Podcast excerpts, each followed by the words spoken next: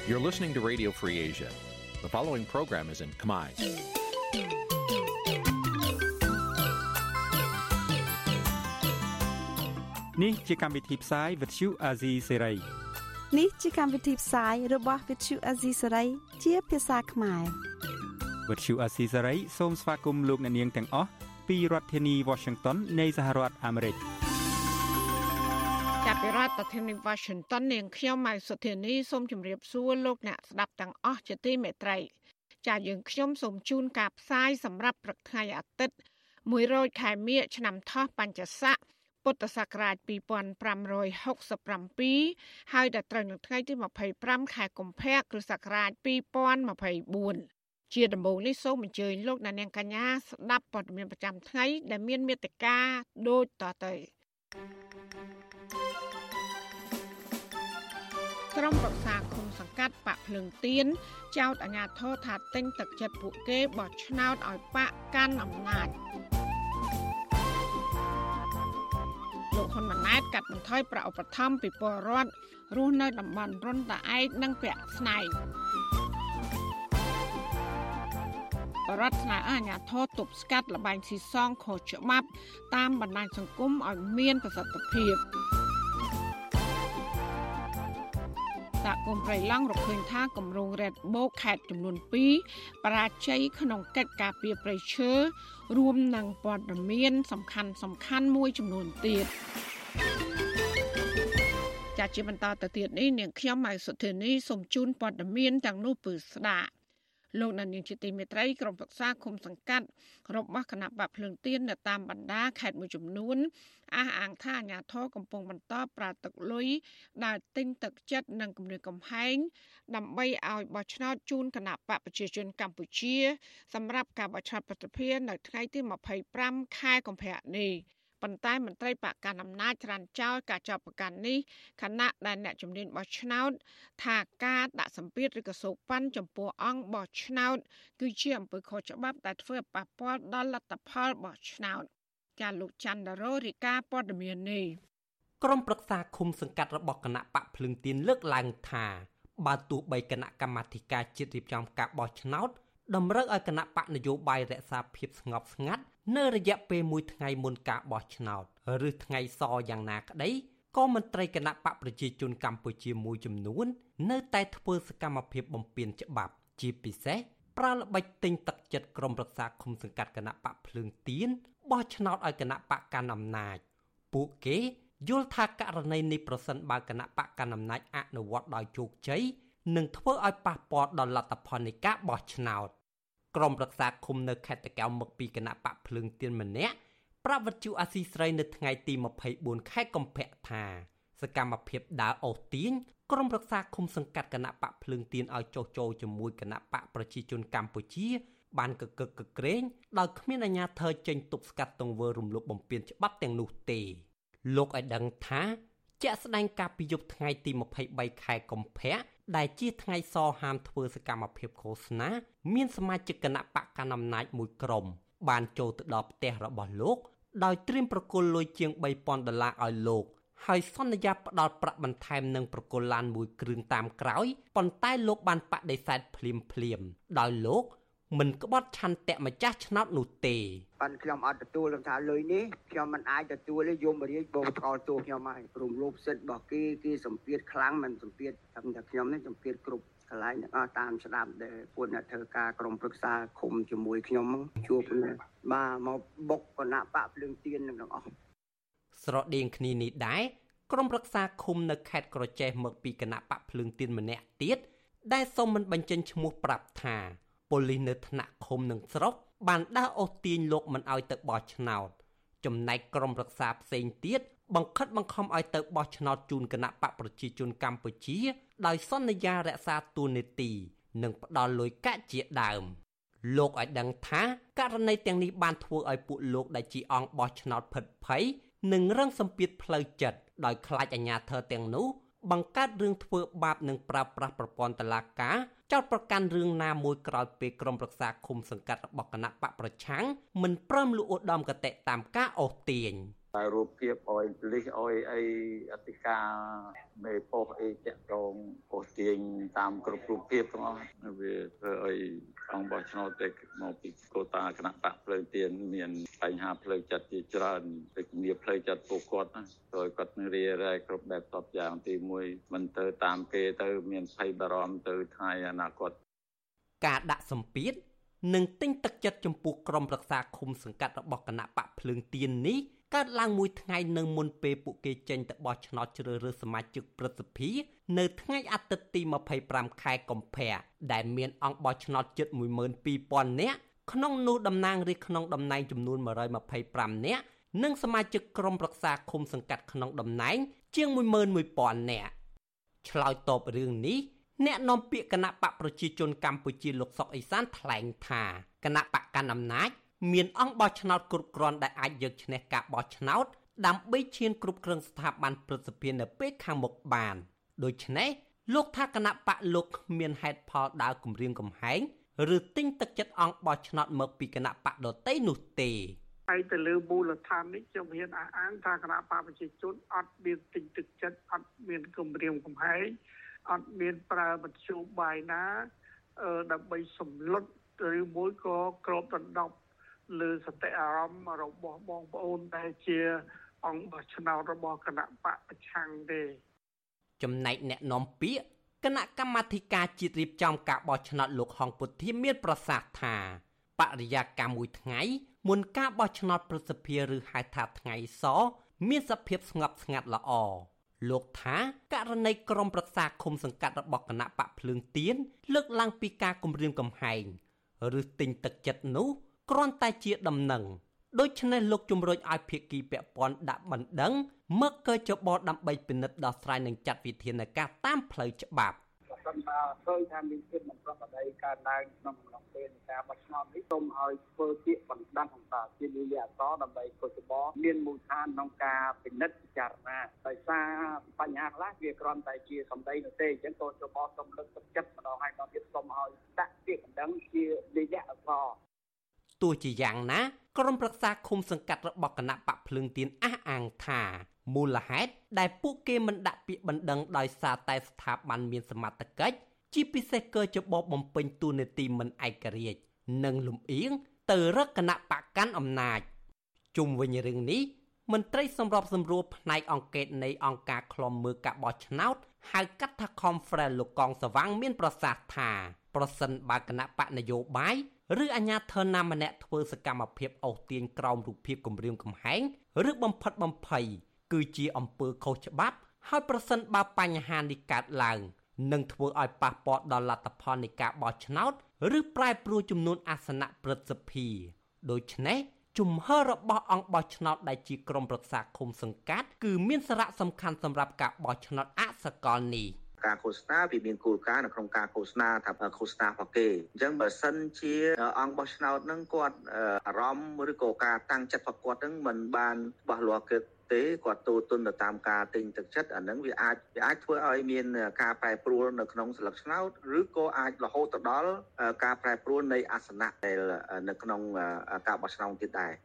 គណៈបកភ្លើងទៀនដែលមានអង្គបោះឆ្នោតជាក្រុមប្រឹក្សាឃុំសង្កាត់ជាង2000នាក់ កាលពីពេលថ្មីថ្មីនេះបានចេញសេចក្តីថ្លែងការណ៍ថាអាញាធមមូលដ្ឋាននៅរាជធានីខេត្តមួយចំនួន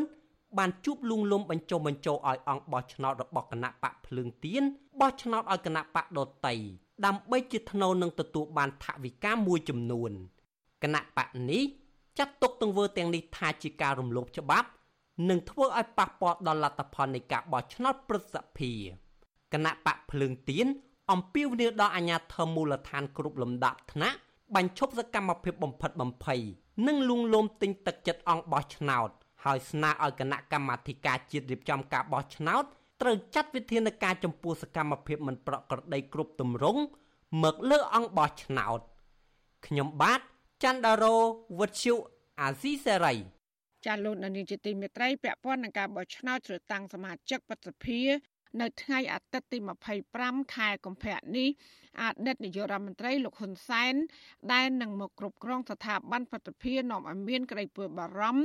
ថាត្រកូលហ៊ុនកំពុងក្តោបក្តាប់អំណាចស្ថាប័នកម្ពុជាកម្ពុជារបស់ជាតិផ្ដាច់មុខដោយគ្មានការត្រួតពិនិត្យពីការរំលោភអំណាចប៉ុន្តែមន្ត្រីបកកណ្ដាលអំណាចវិញ ថ្លែងការពៀថាគឺជាការបែងចែកអំណាច ដែលធ្វើឡើងស្របតាមរដ្ឋធម្មនុញ្ញចាសសេចក្តីរាយការណ៍ពីស្ដាមពីរឿងនេះលោកណានៀងនឹងបានស្ដាប់នាពេលបន្តិចទៀតនេះចាលោកនាងជាទីមេត្រីប្រធានគណៈបកភឿថៃ អ្នកស្រីផេថងឋានស៊ីណាវ៉ាត់នឹងមកបំពេញទស្សនកិច្ចនៅកម្ពុជា នៅថ្ងៃទី18និង19ខែមីនាខាងមុខ គណៈបព្វថៃបញ្ជាក់ក្នុងលិខិត កាលពីថ្ងៃទី23ខែកុម្ភៈថាទស្សនកិច្ចរបស់ប្រធានគណៈបកកណ្ដាលអំណាចថៃមកកាន់កម្ពុជានេះគឺដើម្បីពង្រឹងទំនាក់ទំនងនិងកិច្ចសហប្រតិបត្តិការរវាងគណៈបកកណ្ដាលអំណាចនៃប្រទេសទាំងពីរដោយផ្ដោតជាពិសេសលើវិស័យនយោបាយសេដ្ឋកិច្ចនិងប្រជាជនគណៈបកធឿថៃបញ្ជាក់ថាទស្សនកិច្ចរបស់ប្រធានបកនេះគឺធ្វើឡើងតាមការអញ្ជើញរបស់លោកហ៊ុនសែន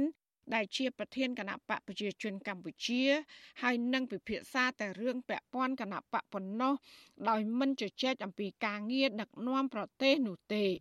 ក្នុងលិខិតរបស់គណៈបកភឿថៃ អ្នកស្រីផេថងឋានស៊ីណាវ៉ាត់ដែលជាកូនត្រីរបស់អតីតនាយករដ្ឋមន្ត្រីថៃលោកថាក់ស៊ីនស៊ីណាវ៉ាត់បានហៅលោកហ៊ុនសែនថាជាលោកពូដ៏គួរឲ្យគោរពស្រឡាញ់ហើយថាកិច្ចសហការដ៏ល្អរវាងគណៈបកភឿថៃ និងគណៈបកប្រជាជនកម្ពុជា បានរួមចំណែកផ្ដល់ផលប្រយោជន៍ជាច្រើនសម្រាប់ប្រជាជាតិទាំងពីរកាលពីថ្ងៃទី21ខែកុម្ភៈអតីតនាយករដ្ឋមន្ត្រីលោកហ៊ុនសែនបានទៅជួបសួរសុខទុក្ខលោកថាក់ស៊ីន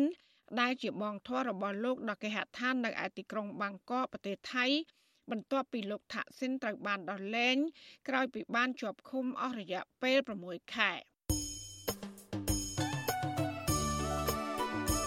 ចាលោកនាងកញ្ញាជាទីមេត្រីដំណើរគ្នានឹងស្ដាប់ការផ្សាយរបស់វិទ្យុអសីស្រី តាមបណ្ដាញសង្គម Facebook YouTube និង Telegram លោកនាងក៏អាចស្ដាប់ការផ្សាយរបស់យើងតាមរយៈរលក ធាតុអាកាសខ្លីឬ Shortwave តាមកម្រិតនិងកម្ពស់ដូចតទៅចាប់ពីព្រឹកចាប់ពីម៉ោង5កន្លះដល់ម៉ោង6កន្លះតាមរយៈប៉ុស SW 93.90 MHz ស្មើនឹងកម្ពស់ 32m និងប៉ុស SW 11.85 MHz ស្មើនឹងកម្ពស់ 25m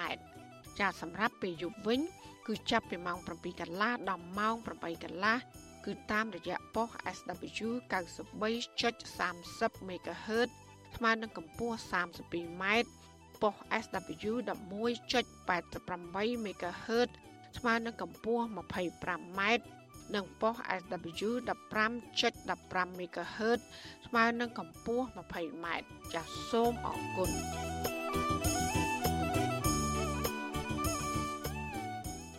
ចាលោកនានីជាទីមេត្រីពាក់ព័ន្ធនឹងរដ្ឋាភិបាលលោកនាយករដ្ឋមន្ត្រីហ៊ុនម៉ាណែតវិញ លោកបានសម្រេចកាត់បន្ថយប្រាក់ឧបត្ថម្ភពីប្រជាពលរដ្ឋរស់នៅតំបន់រុនតាឯកនិងពាក់ស្នែងក្រោយពីប្រជាពលរដ្ឋទាំងនោះបានផ្ទុះការតវ៉ាករណីរដ្ឋាភិបាល បានកាត់បានសមត្ថភាពក្នុងមួយគូសាជាងពាក់កណ្ដាលនៃប្រាក់ដែលធ្លាប់ទទួលបានកាលពីឆ្នាំ2023 មន្ត្រីសង្គមស៊ីវិលសោកស្ដាយថាការកាត់ប្រាក់ឧបត្ថម្ភនេះនឹងធ្វើឲ្យប្រជាពលរដ្ឋជួបការលំបាកកាន់តែខ្លាំងចាកញ្ញាខណ្ឌលក្ខណាមានសេចក្តីរាយការណ៍ជំវិញព័ត៌មាននេះក្នុងអនុក្រឹត្យស្តីពីការអនុវត្តកម្មវិធីស្ដារជីវភាពឡើងវិញ សម្រាប់ការផ្លាស់ប្តូរលំនៅឋានរបស់ប្រជាជនទៅក្រុងរនតាឯកដែលជោសែននិងឃុំពាក់ស្នែងនៃស្រុកអង្គរធំខេត្តសៀមរាបចុះថ្ងៃទី22កុម្ភៈលោកនាយករដ្ឋមន្ត្រីហ៊ុនម៉ាណែតបានចេញដំណោះស្រាយដោយកាត់បន្ថយប្រាក់បានសមត្ថៈសម្រាប់ប្រាក់គោលគ្រួសារជនមានពិការភាព មនុស្សចាស់និងគ្រួសារដែលមានសមាជិកផ្ទុកមេរោគអេដស៍លោកហ៊ុនម៉ាណែតបញ្ជាក់ក្នុងអនុក្រឹត្យនោះថា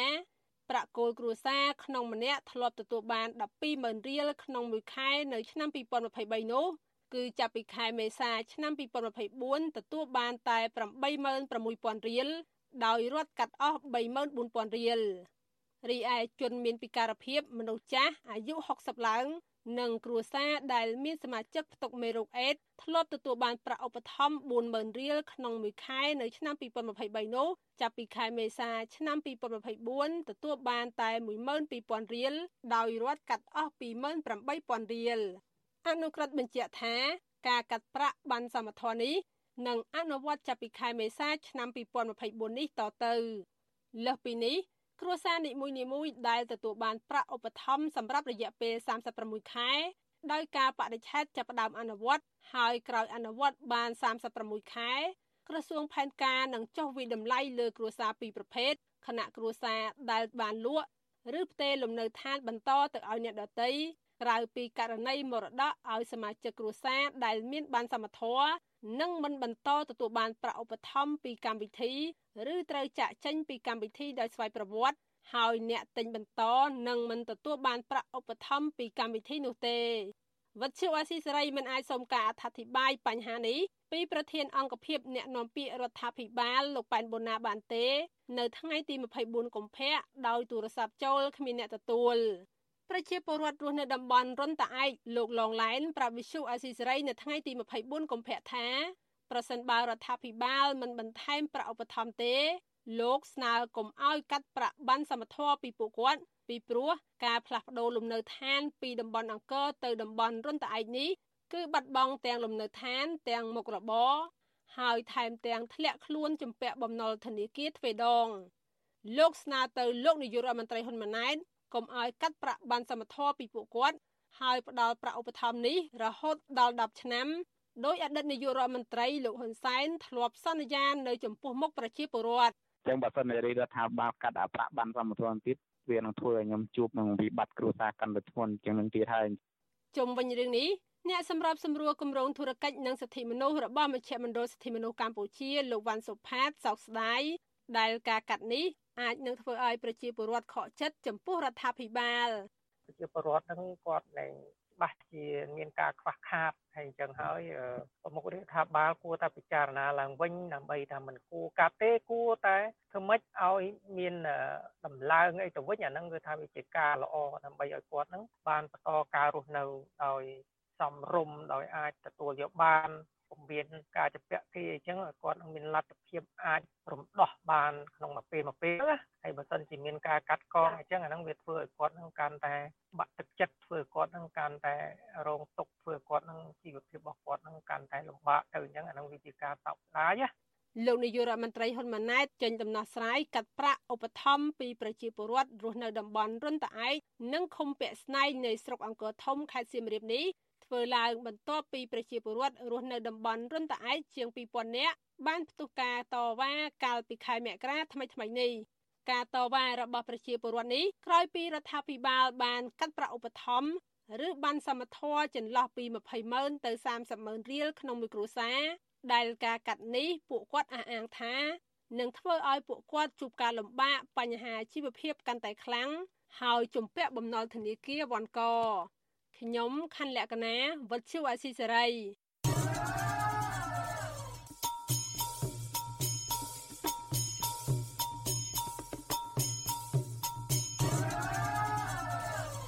ចាលោកអ្នកស្ដាប់ទទីមេត្រីប្រជាប្រដ្ឋមួយចំនួនធ្លាក់ខ្លួនក្រ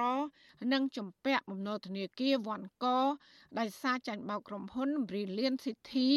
របស់អង្គការលេងច័ន្ទណា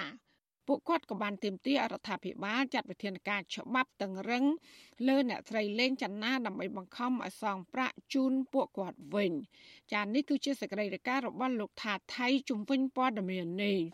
ពលរដ្ឋចាញ់បោកលុយអង្គការលេងចនាលើកឡើងថាពួកគាត់កំពុងមានជីវភាពខ្វះខាតនិងប្រឈមធនាគាររឹបអូសទ្រព្យសម្បត្តិដោយសារពួកគាត់ខ្ចីលុយធនាគារយកមកដាក់វិនិយោគជាមួយក្រុមហ៊ុន Brilliant City ហើយក្រុមហ៊ុនកិច្ចវេះមិនព្រមសងលុយទៅពួកគាត់វិញ ពលរដ្ឋរស់នៅឃុំសែនសុកស្រុកក្រឡាញ់ខេត្តសៀមរាបលោកស្រីខែមចនាប្រាប់វិទ្យុអាស៊ីសេរីនៅថ្ងៃទី24កុម្ភៈថាថៅកែក្រុមហ៊ុននិងអាជ្ញាធរនៅតែគ្មានដំណោះស្រាយសមរម្យសម្រាប់ពួកលោកស្រីឡើយលោកស្រីបន្តថាបច្ចុប្បន្នលោកស្រីមានជីវភាពលំបាកដោយសារអស់លទ្ធភាពសងត្រឡប់ទៅធនាគារវិញដោយសារចាញ់បោកលុយទៅអង្គការលេងចិនណាអស់ចំនួនជាង30000ដុល្លារ ចង់និយាយថាឲ្យមិនក៏ស្រឡាញ់សាលាដំបងនិងសាលាខេត្តដែលពួកខ្ញុំទៅដាក់ពាក្យបណ្ដឹងនេះមិនក៏មិនដោះស្រាយឲ្យបើសិនជាអេដោះហ៊ុនម៉ាណែតនេះគាត់មិនបាននៅពីក្រោយខ្នងដោយពាក្យសម្ដីគាត់និយាយមែនចុះហេតុអីបានជាមិនមានជួយកូនចៅចេញមុខមកនិយាយឬក៏ធ្វើមិនមិនវិធានការអីក៏ដោយឬក៏ខិតខ្លួនលេងចំណាហើយនឹងបាក់ពូឲ្យចូលមកដោះស្រាយជាមួយពួកខ្ញុំទាំងអស់គ្នាទៅអត់មានដំណឹងអីសោះស្ងាត់ជ្រាបរហូតដល់ថ្ងៃទី23ម្សិលមិញនេះពួកខ្ញុំឡើងទៅតវ៉ាទៀត អ្នកស្រីលេងចន្ទាគឺជាអគ្គនាយិកាក្រុមហ៊ុន Brilliant City ដែលបោះទុនរកស៊ីលក់បុរីនៅខេត្តកំពង់ធំនិងនៅខេត្តសៀមរាបចាប់តាំងពីឆ្នាំ2022មកហើយអង្គការរូបនេះក៏ជាសកម្មជនគណៈបកកណ្ដាលអំណាចមួយរូបនៅខេត្តកំពង់ធំផងដែរអ្នកស្រីលេងចន្ទាត្រូវបានព្រះមហាក្សត្រផ្ដល់ក្រុមងារជាអង្គការកាលពីថ្ងៃទី18ខែធ្នូឆ្នាំ2019ដោយឡែកពលរដ្ឋម្នាក់ទៀតរស់នៅស្រុកក្រឡាញ់លោកស្រីយំសំអាងថ្លែងថានៅពេលពលរដ្ឋមានទុកលំបាករត់រកអាជ្ញាធរឲ្យជួយដោះស្រាយក៏ប៉ុន្តែអាជ្ញាធរ បែរជាមិនជួយដោះស្រាយទៅវិញលោកស្រីរៀបរាប់ទាំងអ៊ូលដាំកថាក្នុងមួយខែលោកស្រីត្រូវសងធនាគារចំនួន1200ដុល្លារនិងនៅលុយសងចងការប្រាក់ផ្សេងផ្សេងទៀតដឹកដៃកូនទៅប្រទេសថៃរុស្ស៊ីមិនដែលហ៊ានយកលុយធនាគារសោះដល់តែពេលនេះមកចាញ់បោកគេឲ្យធំលេះអ្នកគ្រូអស់សំបីអីស្អីក៏មានរងគ្រោះដល់ចៅទូញាតិនីដល់ចៅបើសិនតារាយរដ្ឋាមិនមិនមិនរោដំណោះស្រាយអុយទេ កូនចៅរបស់មីងទៅមុខពេទ្យមិននៅទីពឹងអុយទេក្រៅពីពលរដ្ឋនៅខេត្តសៀមរាបនៅមានពលរដ្ឋនៅខេត្តកំពង់ធំកំពង់ចាមនិងពលករធ្វើការនៅក្រៅប្រទេសមួយចំនួនទៀតក៏បានចាញ់បោកក្រុមហ៊ុន Brilliant City របស់អង្គការលេងចិនណាអស់ប្រាក់រាប់ម៉ឺនដុល្លារដែរកាលពីថ្ងៃទី23កុម្ភៈមានប្រជាពលរដ្ឋប្រមាណ300នាក់មកពីបណ្ដាខេត្តផ្សេងផ្សេងបានផ្ទុះការតវ៉ាជាលើកទី3នៅក្នុងខេត្តសៀមរាបទាមទារឲ្យអាជ្ញាធរនិងអង្គការលេងចិនណាដោះស្រាយបញ្ហាជូនអតិថិជន ក្រោយអង្គការរូបនេះគេចវេះមិនព្រមសងលុយទៅអតិថិជនវិញក្រោយការតវ៉ារដ្ឋបាលខេត្តសៀមរាបបានចេញលិខិតមួយដោយអញ្ជើញអ្នកស្រីលេងចន្ទនាអគ្គនាយិកាក្រុមហ៊ុន Brilliant City និងអនុប្រធានក្រុមហ៊ុនពីររូបទៀតឈ្មោះច័ន្ទខិននិងឈ្មោះផុនសាមៀនព្រមទាំងមេក្រុមទាំង25នាក់នៃក្រុមហ៊ុនមួយនេះដើម្បីចូលរួមដោះស្រាយបញ្ហាជាមួយប្រជាពលរដ្ឋនៅទីស្នាក់ការក្រុមហ៊ុន Brilliant City ស្ថិតនៅភូមិតាវៀនសង្កាត់សាលាកំរើកក្រុងសៀមរាបនៅព្រឹកថ្ងៃទី26ខែកុម្ភៈ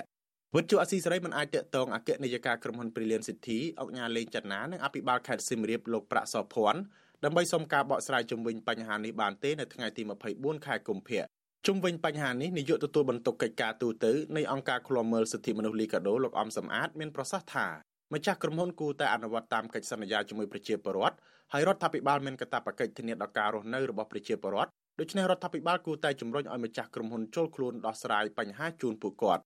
អានឹងវាជាបញ្ហាមួយដែលគួរឲ្យមានការយកចិត្តទុកដាក់ដែរអំពីរដ្ឋឬក៏រាជរដ្ឋាភិបាលឬក៏ស្ថាប័នដែលពាក់ព័ន្ធរវាងក្រុមហ៊ុនដែលធ្វើការវិនិយោគហ្នឹងគួរតែពិនិត្យពិចារណាឲ្យបានច្បាស់លាស់ហើយនឹងត្រូវមានការទទួលខុសត្រូវពុះចំពោះបញ្ហាដែលកើតចេញពីក្រុមហ៊ុនបើមិនចឹងទេអវិបត្តិនេះវាអាចនឹងកើតមានបន្តទៅទៀត កន្លងមកអ្នកស្រីលេងចន្ទនាធ្លាប់អះអាងថាក្រុមហ៊ុនរបស់អ្នកស្រីជាដៃគូរបស់រដ្ឋាភិបាលនិងមានការជួយជ្រោមជ្រែងដោយរដ្ឋាភិបាលរីឯសមាគមរបស់អ្នកស្រីក៏បង្កើតឡើងដោយលោកហ៊ុនម៉ាណែតថែមទៀតក៏ប៉ុន្តែកាលពីថ្ងៃទី21ខែកុម្ភៈក្រុមអ្នកនាំពាក្យរបស់នាយករដ្ឋមន្ត្រីបានច្រានចោលថាលោកហ៊ុនម៉ាណែតមិនមានជាប់ពាក់ព័ន្ធឬនៅពីក្រោយខ្នងក្រុមហ៊ុន Brilliant City របស់អង្គការលេងចន្ទនានោះទេទោះជាបែបនេះក្តីរដ្ឋាភិបាលលោកហ៊ុនម៉ាណែតមិនបានបញ្ជាក់ចំហជួយដោះស្រាយបញ្ហានេះជូនប្រជាពលរដ្ឋនោះទេ ក្រមប្រជាពលរដ្ឋលើកឡើងថាគ្រូសាម្នាក់ម្នាក់បានធ្លាក់ខ្លួនក្រីក្រនិងខ្លះទៀតធ្វើចំណាក់ស្រុករកការងារធ្វើដើម្បីសំបំណុលធនាគារដោយសារចាញ់បោកលុយអុកញ៉ាលេងចន្ទណាដូច្នេះរដ្ឋាភិបាលក្រមការដឹកនាំរបស់លោកហ៊ុនម៉ាណែតគួរតែចាត់វិធានការដោះស្រាយជូនពួកគាត់ឲ្យបានឆាប់ដើម្បីបង្ហាញពីការអនុវត្តច្បាប់ផងនិងការគិតគូរពីសុខទុក្ខរបស់ពួកគាត់ផងខ្ញុំថាថៃពីទីក្រុងមែលប៊ន ចាលោកនានីជាទីមេត្រីពាក់ព័ន្ធនឹងករណីគ្រោះថ្នាក់ចរាចរណ៍វិញសាច់ញាតិជនរងគ្រោះដង្ហើយរងយុត្តិធម៌ក្នុងករណីជនជាតិចិន2នាក់បើកឡានទំនើបបុកបរោះម្នាក់ស្លាប់នៅរាជធានីភ្នំពេញកាលពីរំលងអាត្រៀតឈានចូលថ្ងៃទី23ខែកុម្ភៈ ជនរងគ្រោះមានឈ្មោះសោនសិតភេទប្រុសអាយុ28ឆ្នាំ មានមុខរបរជាអ្នកដឹកជញ្ជូនតាមអនឡាញហើយនឹងមានស្រុកកំណើតនៅខេត្តសៀមរាបចំណែករថយន្តបង្កហេតុនោះ ជាប្រភេទរថយន្តស៊េរីទំនើប ម៉ាក Lamborghini ដែលជាកម្មសិទ្ធិរបស់ជនជាតិចិនដែលគេស្គាល់ថា ជាតារា Facebook និង TikTok ឈ្មោះ Pavido លោកប៉ាហ្វីដូបានអះអាងប្រាប់ក្រុមអ្នកសារព័ត៌មាននៅក្នុងស្រុកថាមិត្តភ័ក្តិរបស់លោកគឺជាអ្នកបើកបរហើយលោកជិះជាមួយនៅក្នុងឡានអ្នកនាំពាក្យស្នងការដ្ឋាននគរបាលរាជធានីភ្នំពេញលោកសំវិជ្ជការបានប្រាប់កាសែតក្នុងស្រុកថាអ្នកបើកបររថយន្តនេះគឺជាជនជាតិចិន មានឈ្មោះហ្វុសុងហួរត្រូវជាមិត្តភ័ក្តិរបស់លោកប៉ាហ្វីដូ លោកថាពួកគេទាំងពីរបានជិះរថយន្តជាមួយគ្នា ហើយបានបើកបុកម៉ូតូមួយគ្រឿងដែលបើកបរក្នុងទិសដៅស្របគ្នាបណ្ដាលឲ្យជនរងគ្រោះបោកក្បាលស្លាប់ភ្លាមភ្លាមនៅនឹងកន្លែងកើតហេតុនៅតាមបណ្ដោយផ្លូវសហព័ន្ធរុស្ស៊ីក្នុងសង្កាត់កាកាបខណ្ឌពោធិ៍សែនជ័យ លោកសំវិជ្ជការថ្លែងទៀតថាជនជាតិចិនទាំងពីរនាក់នោះបានបើករថយន្តរត់គេចខ្លួនដល់ផ្លូវដួងងៀបហើយទុករថយន្តចោលរួចឡើងជិះរថយន្តទំនើបម៉ាក BMW មួយគ្រឿងទៀតដើម្បីរត់គេចខ្លួនបន្តប៉ុន្តែត្រូវបានសមត្ថកិច្ចខកខ្លួនបាន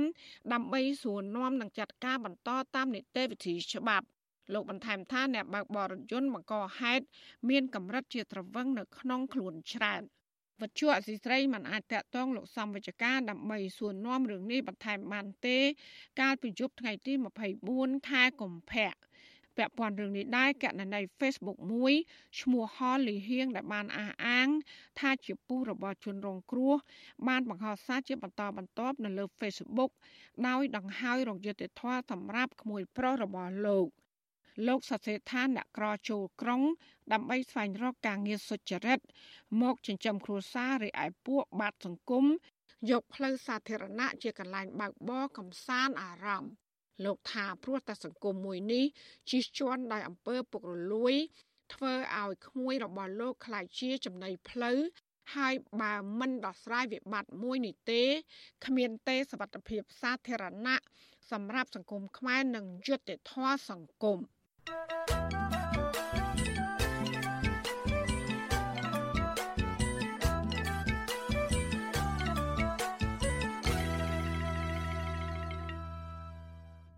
ចាលោកនានីជាទីមេត្រីពាក់ព័ន្ធនឹងលបែងស៊ីសងខុសច្បាប់តាមបណ្ដាញសង្គម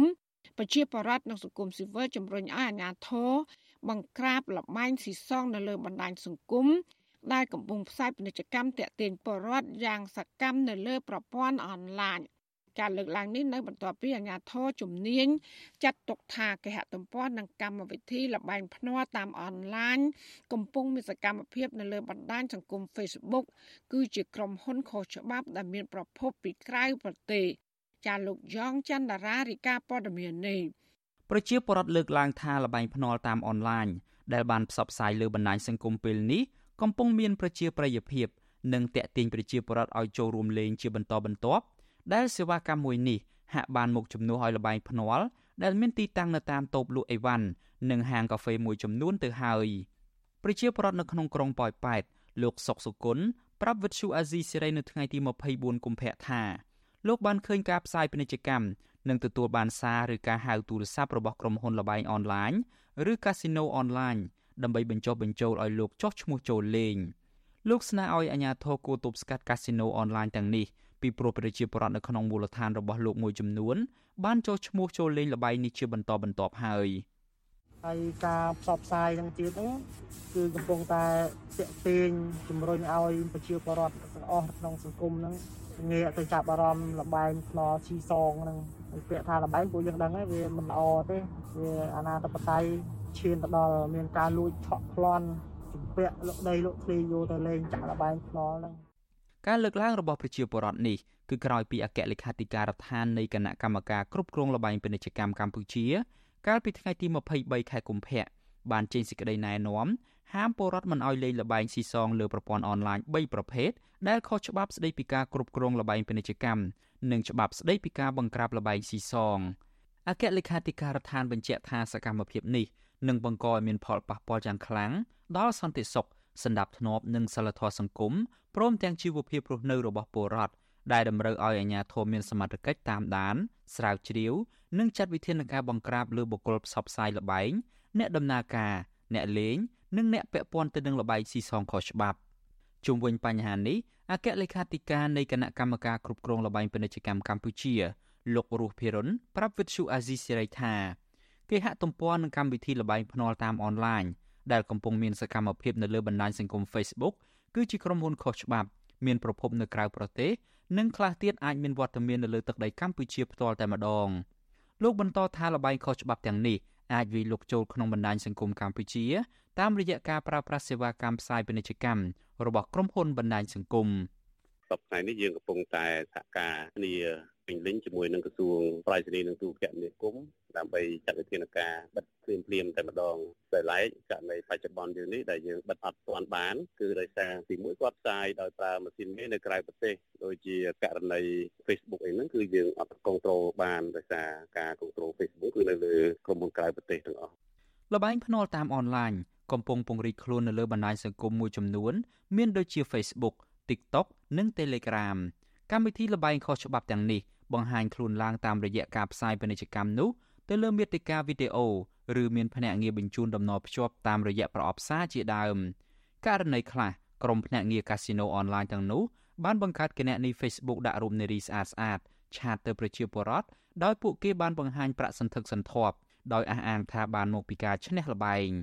ចំពោះការបង្វិលសាច់ប្រាក់ពួកគេប្រើប្រាស់គណនីធនាគារ Visa Card និងរូបិយប័ណ្ណអ៊ីនធឺណិត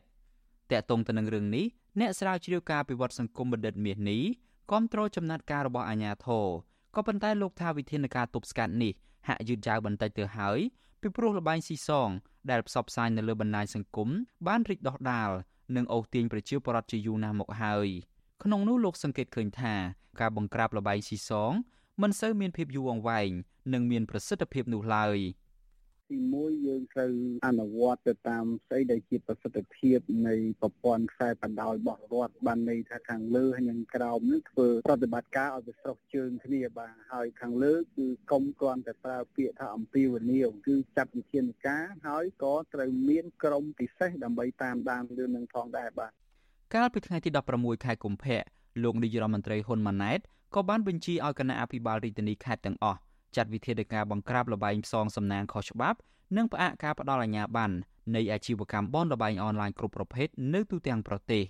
លុះមួយថ្ងៃក្រោយមករដ្ឋមន្ត្រីក្រសួងមហាផ្ទៃលោកសសុខា បានដាក់បញ្ជាឲ្យអាជ្ញាធរនៅតាមរាជធានីខេត្តបង្ក្រាបឲ្យអស់នៅទីតាំងបញ្ចាំខុសច្បាប់និងទីតាំងលបែងផ្សងសំណាងឬឡូតូខុសច្បាប់ដែលមាននៅគ្រប់ភូមិឃុំសង្កាត់ទោះជាយ៉ាងនេះក្តីថ្នាក់ដឹកនាំរដ្ឋាភិបាលទាំងពីរនេះ មិនបានលើកឡើងពីវិធានការទប់ស្កាត់លបែងភ្នាល់តាមអ៊ីនធឺណិតនោះទេប្រជាពលរដ្ឋនិងមន្ត្រីសង្គមស៊ីវិលជំរុញឲ្យអាជ្ញាធរបង្ក្រាបលបែងអនឡាញខុសច្បាប់ទាំងនោះដោយវែករកទីតាំងនិងមេខ្លោងដើម្បីទប់ស្កាត់កុំឲ្យលបែងខុសច្បាប់មួយនេះមកជំនួសលបែងភ្នាល់និងឆ្នោតកន្ទុយលេខដែលមានទីតាំងនៅក្នុងសហគមន៍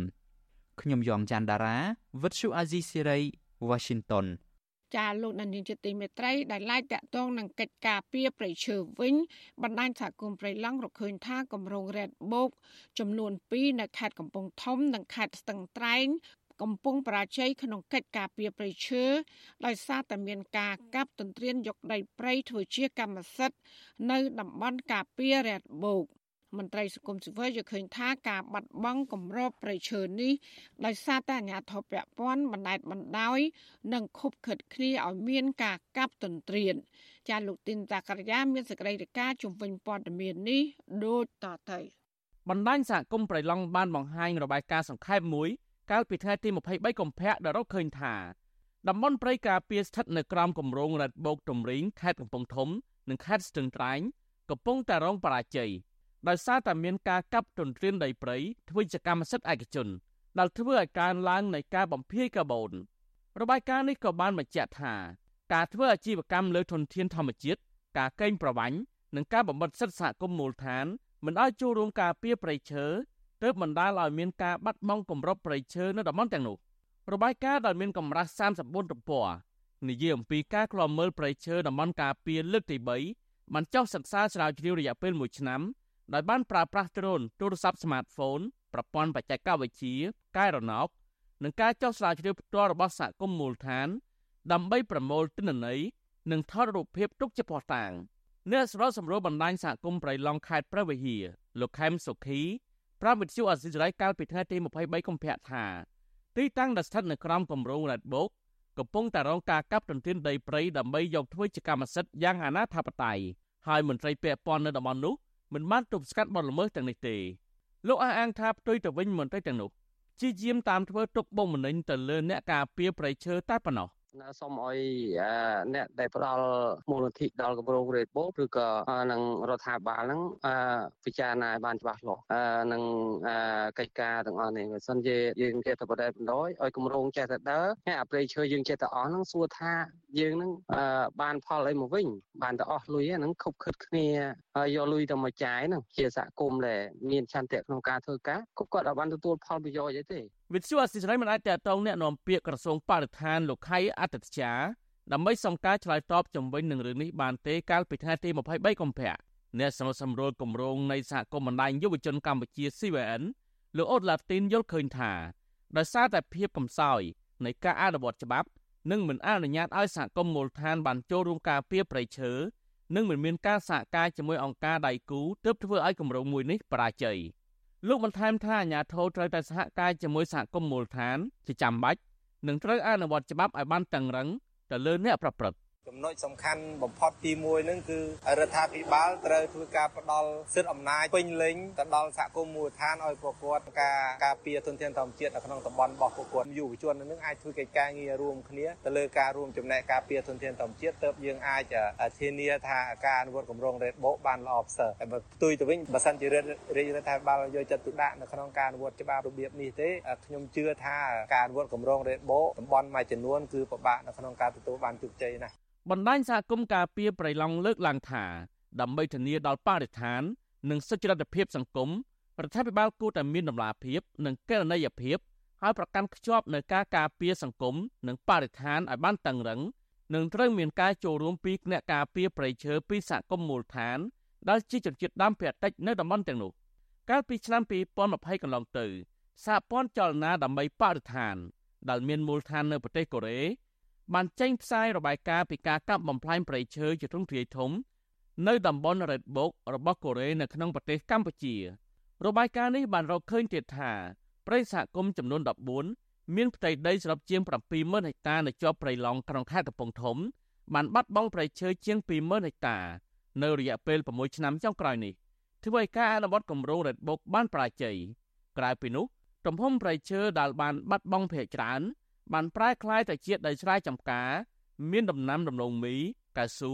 និងស្វាយចន្ទីជាដើមគ្រប់គ្រងជាកម្មសិទ្ធិឯកជនខ្ញុំបាទទីនសាការីយ៉ាស៊ីសេរី ប្រធានាធិបតី Washington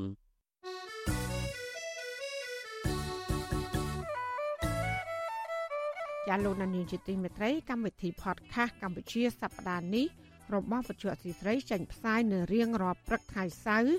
នៃសប្តាហ៍នីមួយៗមកនៅប្រទេសកម្ពុជា ចាសសូមប្រិយមិត្តស្វែងរកនិងស្ដាប់ podcast របស់យើង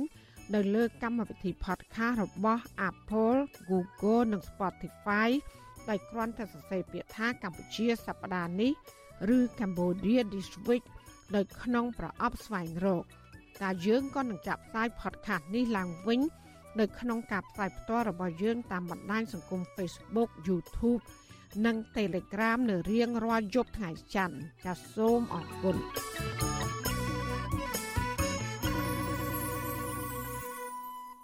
ចាលោកនាងជាទីមេត្រីនៅឯខេត្តព្រះវិហារនៅវិញជនជាតិដើមភាគតិចគួយប្រមាណ100នាក់បាននាំគ្នាធ្វើពិធីឡើងអ្នកតាបន់ស្រន់សុំកុំឲ្យមានការរំលោភយកដីធ្លីនិងបាត់ល្មើសព្រៃឈើនៅក្នុងតំបន់អភិរក្សសត្វព្រៃព្រះរកា មន្ត្រីសង្គមស៊ីវិលលើកឡើងថាការបន់ស្រន់របស់ប្រជាសហគមន៍នេះអាចបញ្ជាក់ថាប្រជាប្រដ្ឋមិនមានជំនឿទៅលើការដោះស្រាយរបស់អាជ្ញាធរមានសមត្ថកិច្ចចាលោកហ៊ុំចម្រើននៃការព័ត៌មាននេះដូចតទៅ ស្របពេលគ្រប់វត្តអារាមនៅប្រទេសកម្ពុជាប្រារព្ធពិធីមាឃបូជានៅថ្ងៃទី15ខែមិញជនជាតិដើមភាគតិចគួយក៏ប្រារព្ធពិធីឡើងអ្នកតា ដើម្បីបន់ស្រន់កុំឲ្យមានគ្រោះចង្រៃនិងមានដំណោះស្រាយបញ្ហាផ្សេងផ្សេងកើតមានក្នុងសហគមន៍របស់ពួកគេដែរជនជាតិដើមភាគតិចគួយក្នុងឃុំព្រះមេមកពីភូមិព្រះមេភូមិស្រែព្រៀងនិងភូមិបោះធំប្រមាណ100នាក់ បាននាំគ្នាប្រារព្ធពិធីឡើងអ្នកតាម្ចាស់ស្រុកនៅក្នុងព្រៃកប់សពស្ថិតនៅខាងត្បូងភូមិព្រះមេប្រមាណ100ម៉ែត្រអ្នកចូលរួមពិធីនេះបានយកស្រូវមួយថងម្នាក់ប្រមាណ3គីឡូក្រាមឬមានលាយជាមួយសណ្ដែកត្រាវនិងដំឡូងជាដើមថ្វាយអ្នកតាម្ចាស់ស្រុកអ្នកភូមិធ្វើដូច្នោះព្រោះពួកគាត់មានជំនឿថា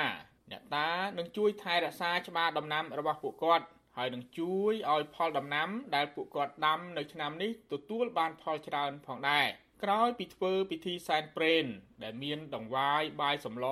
និងជ្រូកអាំងធំមួយរួចហើយក្រុមតន្ត្រីភ្លេងជនជាតិដើមភាគតិចគួយ ដែលមានស្គរដៃទ្រនិងឈើចង្ក្រមបានលេងភ្លេងថ្វាយអ្នកតា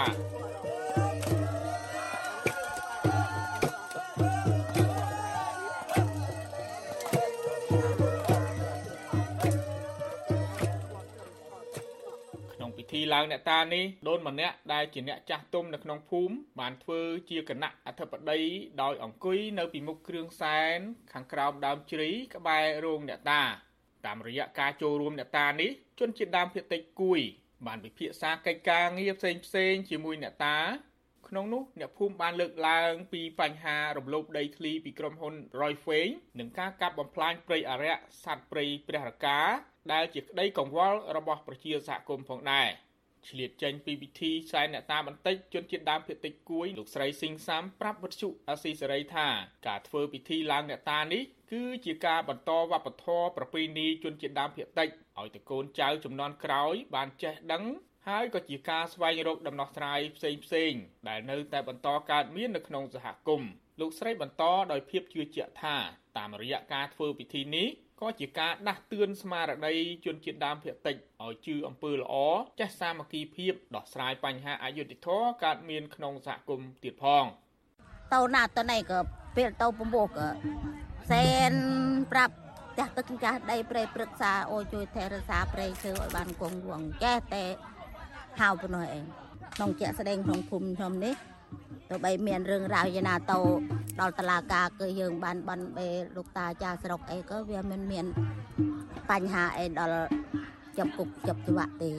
វិទ្យុអាស៊ីសេរីមិនអាចតាក់ទងអភិបាលរងខេត្តព្រះវិហារលោកនប់វុធីដើម្បីបកស្រាយជុំវិញបញ្ហានេះបានទេនៅថ្ងៃទី24ខែកុម្ភៈក្រៅពីប្រឈមនឹងការបាត់បង់ដីធ្លីដោយសារតែរដ្ឋាភិបាលកាត់ដីចំការវិលជុំនៅឃុំប្រមេទៅឲ្យក្រុមហ៊ុនចិនរយហ្វេងហើយនោះ ជនជាដើមភាគតិចគួយឃុំព្រះមេក៏ប្រឈមនឹងការបាត់បង់ដើមជួច្បក់នៅក្នុងព្រៃព្រះរកាផងដែរជាក់ស្ដែងជនជាដើមភាគតិចគួយ5នាក់កំពុងប្រឈមនឹងការកោះហៅរបស់អាយកាអមសាលាដំបងខេត្តព្រះវិហារឲ្យចូលឆ្លើយបំភ្លឺដោយសារតែសកម្មភាពការពារដីចំការវល់ជុំរបស់ពួកគេជាមួយក្រុមឈ្មួញដែលអះអាងថាទទួលបានសិទ្ធិប្រើប្រាស់ដីបន្តពីក្រុមហ៊ុន Roy Fein នៅថ្ងៃទី27ខែកុម្ភៈខាងមុខនេះ ជុំវិញរឿងនេះនាយកប្រតិបត្តិអង្គការពន្លកខ្មែរលោកមឹកសុផុនមានប្រសាសន៍ថាការធ្វើពិធីឡើងអ្នកតារបស់ជនជាតិដើមភាគតិចគួយ តែងតែធ្វើឡើងជារៀងរាល់ឆ្នាំ នៅថ្ងៃ15កើតខែមិញលោកបន្តថាការបន់ស្រន់ពឹងឲ្យអ្នកតាជួយដោះស្រាយបញ្ហានៅក្នុងសហគមន៍អាចឆ្លុះបញ្ចាំងថាប្រជាសហគមន៍ពុំសូវមានជំនឿលើការអនុវត្តច្បាប់របស់អាជ្ញាធរទៅលើជនខិលខូចដែលកាប់បំផ្លាញព្រៃឈើនិងរំលោភយកដីរបស់ពួកគាត់ ហើយទំនងថា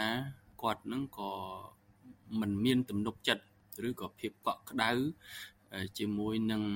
អាញាធរសមត្ថកិច្ចដែលមិនមានសមត្ថភាព ក្នុងការទប់ស្កាត់បទល្មើសព្រៃឈើក៏ដូចជារកដំណោះស្រាយសំរុំជូនពួកគាត់ឲ្យបានជាពួកគាត់នឹងទៅ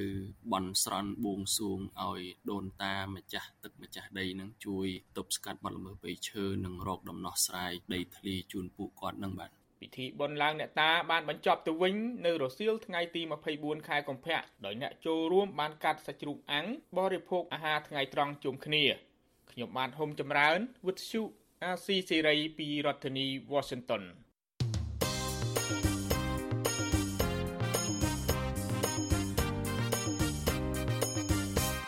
ចាលោកនានីជាទីមេត្រីដែលឡាយតាក់ទងនឹងស្ថានភាពរបស់ខ្មែរកម្ពុជាក្រោមវិញតំណាងសហព័ន្ធខ្មែរកម្ពុជាក្រោមនៅអឺរ៉ុបនិងអង្គការសិទ្ធិមនុស្សខ្មែរក្រោមនៅកម្ពុជា បានចូលរួមធ្វើសេចក្តីថ្លែងការណ៍ដាច់ដライពីគ្នា ដើម្បីឲ្យអង្គការសហប្រជាជាតិទទួលបន្ទុកសិទ្ធិមនុស្សនៅទីក្រុងឈឺណែវធ្វើអន្តរាគមន៍ទៅរដ្ឋាភិបាលកុម្មុយនីសវៀតណាមឲ្យលើកស្ទួយសិទ្ធិស្ត្រី និងសិទ្ធិមនុស្សនិងសិទ្ធិសាសនារបស់ខ្មែរកម្ពុជាក្រោមដែលជាជនជាតិដើមតំណាងបរដ្ឋខ្មែរក្រោមរកឃើញថាវៀតណាមនៅតែបន្តរំលោភសិទ្ធិជនជាតិដើមដែលជាម្ចាស់ស្រុក ទោះបីជាប្រទេសវៀតណាមនេះជាសមាជិករបស់ក្រុមប្រឹក្សាសិទ្ធិមនុស្សរបស់អង្គការសហប្រជាជាតិនេះក្តីចាប់ពីរដ្ឋធានី Washington លោកយុនសាមៀនរាយការណ៍ព័ត៌មាននេះតំណាងសហព័ន្ធខ្មែរកម្ពុជាក្រោមនៅអឺរ៉ុបបានប្រាប់គណៈកម្មាធិការស្តីពីការលុបបំបាត់រាល់ទម្រង់នៃការរើសអើងប្រឆាំងស្ត្រីនៃអង្គការសហប្រជាជាតិកាលពីដើមសប្តាហ៍នេះថាស្ត្រីខ្មែរក្រោមរស់នៅតំបន់ដីសណ្ដទន្លេមេគង្គ កំពុងទទួលរងការរើសអើងភេទឋានៈជាជនជាតិដើម និងបញ្ហាសេដ្ឋកិច្ចអ្នកស្រីកឹមពុទ្ធនីជាសកម្មជនម្នាក់របស់សហព័ន្ធខ្មែរកម្ពុជាក្រោម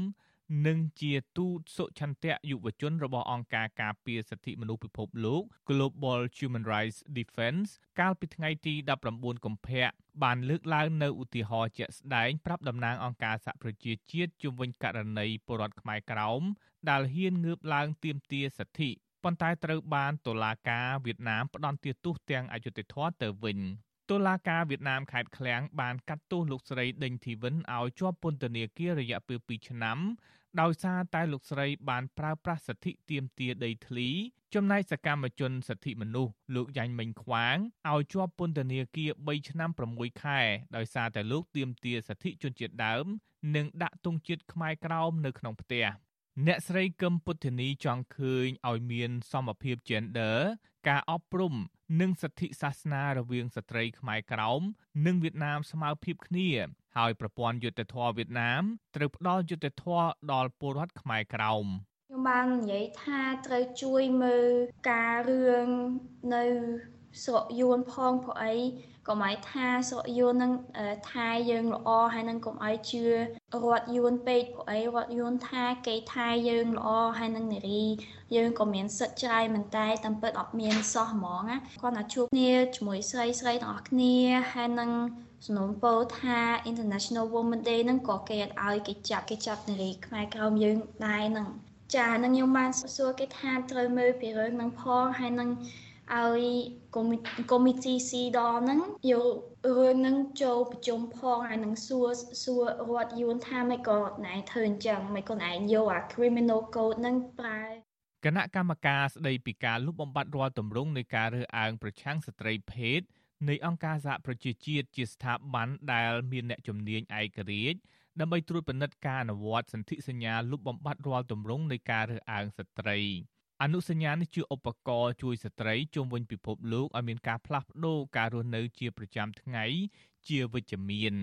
អ្នកស្រីកឹមពុទ្ធនីលើកឡើងថាវៀតណាមដែលបានអនុម័តទទួលអនុវត្តសិទ្ធិសញ្ញាលុបបំបាត់រាល់ទម្រង់នៃការរើសអើងប្រឆាំងស្ត្រីភេទនៅមិនទាន់បានអនុវត្តសន្ធិសញ្ញានេះឲ្យមានប្រសិទ្ធភាពនៅឡើយទេដែលក្នុងនោះរួមមានការប្រឆាំងនឹងអំពើហិង្សាភាពក្រីក្រ និងសិទ្ធិទទួលបានកម្មសិទ្ធិជាដើម ស្រដៀងគ្នានេះតំណាងអង្គការសិទ្ធិមនុស្សខ្មែរក្រោម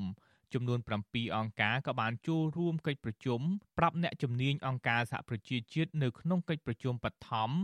មុនកិច្ចប្រជុំត្រួតពិនិត្យជាសកលតាមការកំណត់ឬ UPR Universal Periodic Review កាលពីថ្ងៃទី13ដល់ថ្ងៃទី16កុម្ភៈនៅទីក្រុងហ្សឺណែវប្រទេសស្វីស នៅក្នុងកិច្ចប្រជុំលោកបណ្ឌិតសឿនជុំជួន ជាអគ្គលេខាធិការសមាគមខ្មែរកម្ពុជាក្រោមដើម្បីសិទ្ធិមនុស្សនិងអភិវឌ្ឍបានឡើងធ្វើបទបង្ហាញនិងដាក់របាយការណ៍ស្ដីពីស្ថានភាពសិទ្ធិមនុស្សនៅកម្ពុជាជូនក្រុមប្រឹក្សាសិទ្ធិមនុស្សអង្គការសហប្រជាជាតិដើម្បីត្រួតពិនិត្យជាសកលតាមការកំណត់ជុំទី4សម្រាប់ប្រទេសវៀតណាមដែលនឹងត្រូវឡើងឆ្លើយនៅចំពោះមុខអង្គការសហប្រជាជាតិនៅខែមេសាខាងមុខនេះ។ របាយការណ៍សង្ខេបកម្រាស់3ទំព័រដែលលោកបណ្ឌិតសឿនជំជួនបានដាក់ឲ្យក្រុមប្រឹក្សាសិទ្ធិមនុស្សអង្គការសហប្រជាជាតិនិងប្រតិភូសហគមន៍អឺរ៉ុបបានលើកឡើងពីចំណុចសំខាន់សំខាន់តាក់ទងទៅនឹងស្ថានភាពសិទ្ធិមនុស្សខ្មែរក្រោមរួមមានសិទ្ធិសេរីភាពផ្នែកសាសនា ជំនឿវប្បធម៌សិទ្ធិទទួលបានការអប់រំសិទ្ធិទទួលបានព័ត៌មាន និងសេរីភាពនៃការបញ្ចេញមតិជាដើម។ លោកបណ្ឌិតសឿនជុំជួនសង្ឃឹមថាតំណាងអង្គការសហប្រជាជាតិនិងសហគមន៍អឺរ៉ុបនឹងជំរុញឲ្យវៀតណាមគោរពសិទ្ធិមនុស្សខ្មែរកម្ពុជាក្រោមមានមានសង្ឃឹមថាអ្វីដែលជាការលើកឡើងរបស់យើងហ្នឹងមិនមែនត្រឹមតែយើងទេគឺនឹងមានសង្គមស៊ីវិលផ្សេងផ្សេងទៀតដែលរួមមានសង្គមស៊ីវិលដែលគេធ្វើការនៅក្រៅប្រទេសប៉ុន្តែគេធ្វើដើម្បីតស៊ូមតិជំរុញឲ្យរដ្ឋាភិបាលវៀតណាមហ្នឹងគ្រប់សិទ្ធិមនុស្សហ្នឹងគឺមានច្រើនទៀតដូច្នេះយើងមានការសង្ឃឹមច្រើនថា អនុសាសន៍នឹងក៏បានផ្ដល់ដោយរដ្ឋសមាជិកទៅរដ្ឋបាលវៀតណាមអាចจะមានការផ្លាស់ប្ដូរនិងផ្លាស់ប្ដូរអេរយាប័តនៅក្នុងការរឹតបន្តឹងផ្សេងៗទៅលើសកម្មជនខ្មែរផងទៀតបច្ចុប្បន្នវៀតណាមជាសមាជិកក្រុមប្រឹក្សាសិទ្ធិមនុស្សអង្គការសហប្រជាជាតិទទួលបន្ទុកសិទ្ធិមនុស្សចាប់តាំងពីឆ្នាំ2022សម្រាប់រយៈពេល3ឆ្នាំ ចាប់តាំងពីប្រទេសកុម្មុយនីសមួយនេះបានក្លាយជាសមាជិក UN Human Rights Council មកប្រទេសនេះបានបន្តរំលោភសិទ្ធិមនុស្សកាន់តែធ្ងន់ធ្ងរជាងមុនរបាយការណ៍សិទ្ធិមនុស្សអន្តរជាតិរបស់អង្គការ Human Rights Watch រកឃើញថាវៀតណាមបន្តរំលោភសិទ្ធិស៊ីវិលនិងនយោបាយរបស់ពលរដ្ឋរដ្ឋាភិបាលផ្ដាច់ការឯកបៈនេះបានរឹតបន្តឹងសិទ្ធិសេរីភាពបញ្ចេញមតិការប្រមូលផ្ដុំដោយសន្តិវិធី សមាគមនិងសាសនាយ៉ាងធ្ងន់ធ្ងរ ខ្ញុំយុនសាមៀនវិទ្យុអាស៊ីសេរីប្រធានាធិបតី Washington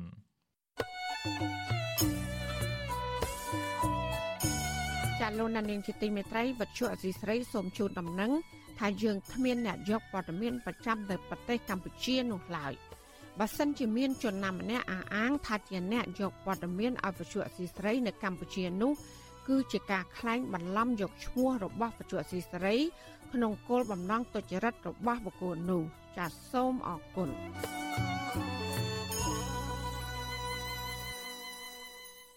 ចាលោកនាងកញ្ញាជាទីមេត្រី ការវិលត្រឡប់របស់ឪនាយករដ្ឋមន្ត្រីក្រាញអំណាចលោកហ៊ុនសែនមកគ្រប់គ្រងស្ថាប័នពទ្ធភាក្រោយការបោះឆ្នោតជ្រើសតាំងសមាជិកពទ្ធភានៅថ្ងៃអាទិត្យទី25ខែកុម្ភៈនេះនាំឲ្យមានក្តីព្រួយបារម្ភជារួមថាត្រកូលហ៊ុន កំពុងក្តាប់ក្តាប់អំណាចស្ថាប័នកម្ពុជាកម្ពុជារបស់ជាតិផ្ដាច់មុខដោយគ្មានការត្រួតពិនិត្យពីការរំលោភអំណាចមន្ត្រីបកកាន់អំណាចថ្លែងការពីថានេះគឺជាការបែងចែកអំណាច ដែលធ្វើឡើងស្របតាមរដ្ឋធម្មនុញ្ញចាប់ពីរដ្ឋធានី Washington លោកមានរដ្ឋាភិការពិស្ដាជំវិញព័ត៌មាននេះដូចតទៅការបោះឆ្នោតជ្រើសតាំងសមាជិកព្រឹទ្ធសភាអាណត្តិទី5ពេលនេះកំពុងក្លាយជាព្រឹត្តិការណ៍គួរឲ្យចាប់អារម្មណ៍ នេះគឺដោយសារតែការបោះឆ្នោតនេះធ្វើឡើងដើម្បីធ្វើឲ្យស្របច្បាប់ និងបំពេញមហិច្ឆតាបន្តក្រាញអំណាចផ្ដាច់មុខគ្មានដែនកំណត់របស់អតីតនាយករដ្ឋមន្ត្រីហ៊ុនសែនដែលនឹងមកធ្វើជាប្រធានព្រឹទ្ធសភាជំនួសឲ្យលោកសាឈុំដោយដែលលោកធ្លាប់បានប្រកាស នៅមុនពេលផ្ទេរអំណាចឲ្យកូនប្រុសច្បងធ្វើជានាយករដ្ឋមន្ត្រីខែកុម្ភៈហើយអាចថាកោះប្រជុំព្រឹទ្ធសភានៅខែមេនាខ្ញុំប្រកាសណាខ្ញុំពេលនោះនឹងក្លាយទៅជាប្រធានព្រឹទ្ធសភានៃព្រះរាជាណាចក្រកម្ពុជាជំនួសសម្ដេចថៃឈុំដែលនឹងត្រូវឈប់នេះគឺជាការស្រស់ស្រួលហើយក៏បានទូលព្រះមហាក្សត្ររួចមកហើយផងដែរការវិវត្តថ្មីថ្មីនេះនឹងនាំឲ្យត្រកូលហ៊ុន អាចគ្រប់គ្រងអំណាចកម្ពុជាកម្ពុជារបស់ជាតិដោយចំហនិងគ្មានការលាក់លៀមតទៅទៀតឡើយការនេះក៏ជាការរំលោភទាំងស្រុងទៅលើគោលការណ៍បែងចែកអំណាចកម្ពុជាកម្ពុជារបស់រដ្ឋលោកហ៊ុនម៉ាណែតជាកូនគ្រប់គ្រងអំណាចនីតិប្រតិបត្តិក្នុងនាមជានាយករដ្ឋមន្ត្រីគណៈឪពុកនិងគ្រប់គ្រងអំណាចនីតិបញ្ញត្តិក្នុងនាមជាប្រធានព្រឹទ្ធសភា ដែលតម្រូវឲ្យលោកហ៊ុនសែនក្លាយជាប្រមុខរដ្ឋស្ដីទីក្នុងពេលអវត្តមានព្រះមហាក្សត្រ ចាំចុះហត្ថលេខាប្រថាប់ត្រាឲ្យកូន លើព្រះរាជក្រឹត្យនិងព្រះរាជក្រមជុំវិញបញ្ហានេះអ្នកសិក្សាផ្នែកច្បាប់លោកវ៉ុនចាន់ឡូតមើលឃើញថាស្ថាប័នកម្ពុជាកម្ពុជារបស់ជាតិកំពុងត្រូវបានអ្នកនយោបាយយកមកបំរើឲ្យផលប្រយោជន៍បុគ្គលបកពួកនឹងគ្រួសារដែលជាការដើរបញ្ច្រាស់គោលការណ៍ប្រជាធិបតេយ្យហើយដូចយើងឃើញទាំងអស់គ្នាទាំងប្រព័ន្ធនីតិរដ្ឋទាំងប្រព័ន្ធតុលាការទាំងស្ថាប័នអាទិអាទិ គឺត្រូវបានប្រើប្រាស់សម្រាប់ជាប្រយោជន៍របស់បុគ្គលមួយក្រុមឬក៏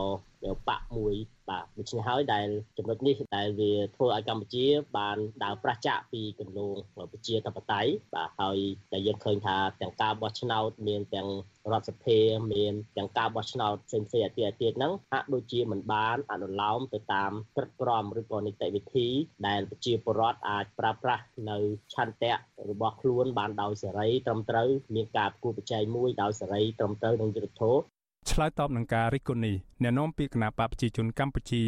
លោកសុកអេសានថ្លែងការពីថាការតែងតាំងអិសរាជជនណាម្នាក់ឲ្យទៅគ្រប់គ្រងស្ថាប័នកម្ពុជាកម្ពុជារបស់ជាតិគឺជាឆន្ទានុសិទ្ធិ របស់គណៈបកឈ្នះឆ្នោតដែលលោកអះអាងថាធ្វើឡើងស្របតាមរដ្ឋធម្មនុញ្ញការបែងចែកអំណាចគឺមានចែងច្បាស់លាស់នៅក្នុងរដ្ឋធម្មនុញ្ញហើយដូច្នេះគឺថាទោះបីអិសរាជជនណាមកធ្វើជាប្រធានព្រឹទ្ធសភាប្រធានរដ្ឋសភាប្រធានក្រុមប្រឹក្សាធម្មនុញ្ញក៏ដោយក៏យើងនៅតែអនុវត្តទៅតាមទូនីតិជារកិច្ចដែលបានបែងចែកនៅក្នុងរដ្ឋធម្មនុញ្ញច្បាស់លាស់ហើយដូច្នេះគ្មានរឿងអីទៅចោទប្រកាន់ថាគណៈបកប្រជាជននឹងដាក់ អិសរាជជនរបស់ខ្លួននៅក្នុងជួររដ្ឋាភិបាលឬមួយក្នុងអង្គនីតិបញ្ញត្តិនោះទេដូច្នេះហើយអានេះជាសិទ្ធិសម្រាប់របស់គណៈបកឈ្នះឆ្នោត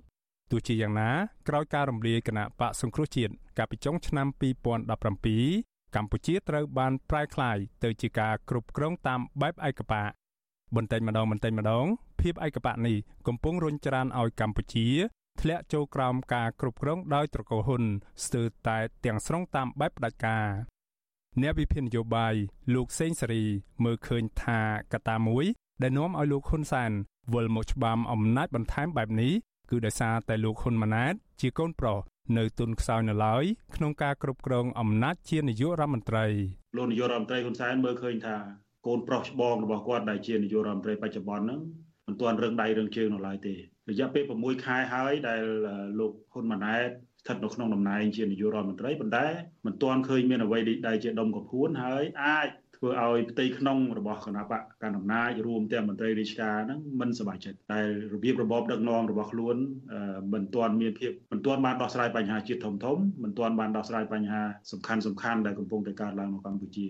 ការគ្រប់គ្រងស្ថាប័នព្រឹទ្ធសភារបស់លោកហ៊ុនសែន ក៏អនុញ្ញាតឲ្យតកូលហ៊ុនក្លាយជាអ្នកបង្កើតព្រះមហាក្សត្រនិងគ្រប់គ្រងស្ថាប័នព្រះមហាក្សត្រផងដែរ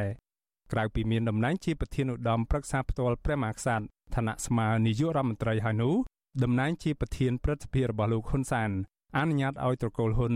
មានសម្លេងឆ្នោតរហូតដល់ទៅ2សម្លេងរួចជាស្រេចនៅក្នុងចំណោម9សម្លេងក្នុងក្រុមប្រឹក្សារាជបល្ល័ង្កប្រសិនបើមានការជ្រើសរើសព្រះមហាក្សត្រថ្មីនាពេលអនាគត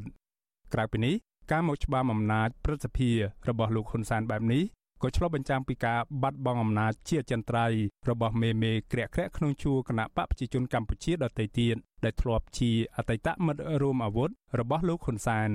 ពួកគេទាំងនោះមានដូចជា លោកហេងសំរិន លោកសាយឈុំលោកសខេង លោកទាបាញ់និងអ្នកស្រីម៉ែនសំអនលោកសុកអេសានបកស្រាយថាការមិនចូលឈ្មោះនៅក្នុងស្ថាប័នព្រឹទ្ធសភា របស់ក្រុមមេមេគណៈបកប្រជាជនកម្ពុជាទាំងនេះគឺជាការស្ម័គ្រចិត្តរបស់ពួកគាត់ អត់មានមូលហេតុទេទេគាត់មានការភ្ជាប់រលឹកដល់ខ្លួនឯងពីព្រោះគាត់យល់ថាគាត់បានចូលរួមសកម្មភាពនយោបាយនឹងរាប់សិបឆ្នាំមកហើយអញ្ចឹងទេសម័យជនរបស់គាត់នឹងគឺគាត់ស្ម័គ្រចិត្តមិនឈរឈ្មោះគឺលាលែងហើយគាត់នៅមិនមែនអត់បាត់បង់ទួនាទីណាគឺគាត់ចូលជាសមាជិកឧត្តមទីប្រឹក្សាព្រះមហាក្សត្រហើយគឺមានបញ្ហាអីហើយគាត់នៅតែជាអនុប្រធានគណៈបកដដែលដូច្នេះវាអត់មានបញ្ហាអីទេ ទោះជាយ៉ាងណាដើមទុននយោបាយដែលអតីតយុទ្ធមិត្តរបស់លោកហ៊ុនសែនទាំងនេះបានសន្សំទុកអស់រយៈពេលស្ទើរពេញមួយជីវិតរបស់ពួកគេទំនងជាត្រូវយកមកចាក់ចោលនៅពេលនេះខណៈត្រកូលហ៊ុនដណ្ដើមយកមកគ្រប់គ្រងស្ទើរតែទាំងស្រុងគ្មានឡើយឱកាសដែលពួកគេអាចវិលត្រឡប់មករក្សាតុល្យភាពអំណាចនៅក្នុងជួរបកវិញបានឡើយស្របពេលដែលលោកហ៊ុនម៉ាណែតក៏ត្រូវគេរំពឹងថាកំពុងត្រៀមឡើងក្លាយជាប្រធានគណៈបកប្រជាជនកម្ពុជាជំនួសឪពុក ការបោះឆ្នោតជ្រើសតាំងសមាជិកព្រឹទ្ធសភាគឺជាការបោះឆ្នោតអសកល ដែលមានអង្គបោះឆ្នោតជាសមាជិកតំណាងរាស្ត្រក្នុងតំណែង និងសមាជិកក្រុមប្រឹក្សាឃុំសង្កាត់ក្នុងតំណែងការបោះឆ្នោតអាណត្តិទី5នៅថ្ងៃអាទិត្យទី25ខែកុម្ភៈនេះមានគណៈបកនយោបាយចំនួន4ចូលរួមគឺគណៈបកប្រជាជនកម្ពុជាគណៈបកហ៊ុនស៊ិនប៉ិចគណៈបកឆន្ទៈខ្មែរនិងគណៈបកកម្លាំងជាតិ គណៈបកប្រជាជនកម្ពុជា រំពឹងថាខ្លួនអាចនឹងទទួលបានអាសនៈយ៉ាងតិច50គណៈគណៈបកប្រឆាំងរំពឹងថាអាចដណ្ដើមបានអាសនៈចំនួន8ស្ថាប័នព្រឹទ្ធសភាត្រូវបានបង្កើតឡើងដំបូងកាលពីឆ្នាំ1999ជាផ្នែកមួយនៃដំណោះស្រាយនយោបាយដើម្បីបែងចែកអំណាចឲ្យអតីតប្រធានគណៈបកប្រជាជនកម្ពុជា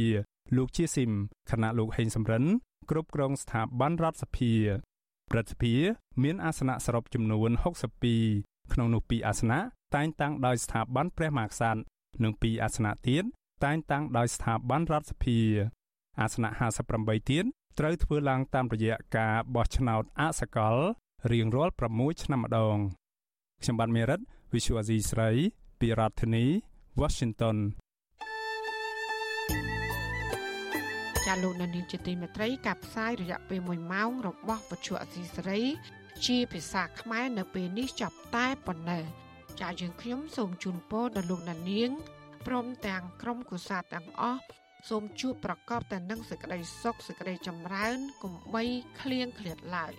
ចានាងខ្ញុំម៉ៃសុធានីព្រមទាំងក្រុមការងារទាំងអស់នៃវិទ្យុអសីស្រីសូមអរគុណនិងសូមជម្រាបលា